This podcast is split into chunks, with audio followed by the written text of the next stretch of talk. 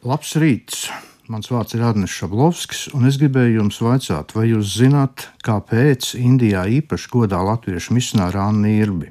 Anna Irba dažkārt dēvē par latviešu māti Terēzi, taču viņa savu misiju Indijā bija uzsākusi vēl daudz agrāk par pazīstamo žālsirdības misionāru, kur uz Indiju devās tikai 1929. gadā, kad Anna jau četrus gadus Indijā aktīvi strādāja.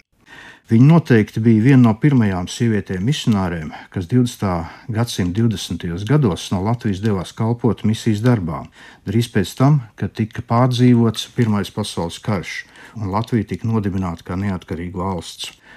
Anna Irba ir dzimusi mācītāja un cēlus iecirkņa prāvesta, vēlāk Lielu biskupa Kārļa Irbas ģimenē 1890. gada 19. septembrī. Pirmā pasaules kara laikā Kārlis Irba kalpoja kā mācītājs mūsdienu Ukraiņas teritorijā, kur viņam pievienojās arī meita Anna. Kad Kārlis Irba atgriezās Latvijā un 1922. gadā tika iesvētīts par biskupu, Anna uzzināja par misijas darbu Indijā un nolēma kļūt par misionāru. Anna Zirbas kalpošana Dienvidindijā, Tamilnādas apgabalā norisinājās divos laikposmos. Pirmajā, no 1925. līdz 31. gadam, viņa apguva vietējo tamilu valodu un strādāja dažādos Zviedrijas misijas projektos. Bet 1930. gadā radās doma par misijas staciju kādā no ciematiem, kas būtu kā pamats Latvijas misijai Indijā.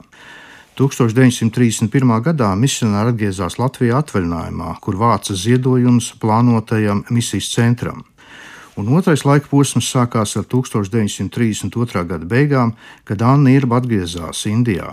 Tika nopirkta zeme, un misionāri mežā starp Koimbratoras un Palači pilsētām ieraka krustu kā pamatakmeni vēlākajām Karugara Puri jeb kungu žēlastības ciemam. Tā Indijā tika dibināts Latvijas ciems. Misionārei bija vairāki konkrēti uzstādījumi jaunajam Latvijas ciemam, kurā Kristum bija jātop pasludinātam ne tikai ar vārdiem, bet arī ar darbiem. Tam bija jābūt saskaņā ar indiešu kultūru. Misionāri bija iecerējis uzcelt skolu zēniem un meitenēm, patvērsim nespējniekiem, vietu invalīdiem un dzīves pabērniem.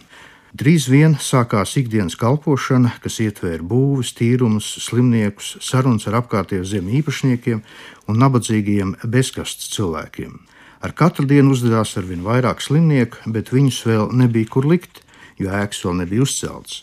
Piecu mēnešu laikā tika uzceltas četras mājas, sastādīti banāni, palmas, mango un citi koki, iekopti tīrumi. Pagaidu baznīciņa jau bija pilna dievlūdzēji. 1933. gadā patvērsmē bija 27 bērni. 39. gadā jau 66 bērni patvērsmē un 70 bērni skolā. Un 1935. gadā draudzē bija 407 kristīti draudzes locekļi.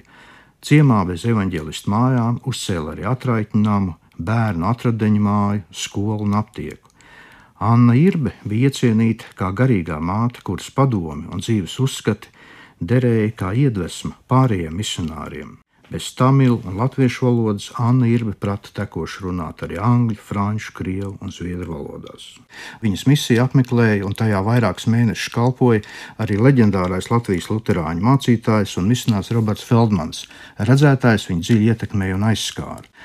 Mūža beigas Anna Irbe pavadīja Kunanūras pilsētā pie Nigili kalniem. Anna Irbe mūžībā devās 1973. gada 13. februārī, 82 gadu vecumā. Mūsdienās Liela misija Indijā ir nosaukta par Annas Irbes Latvijas evaņģēlisko luterisko baznīcu Indijā un darbojas joprojām.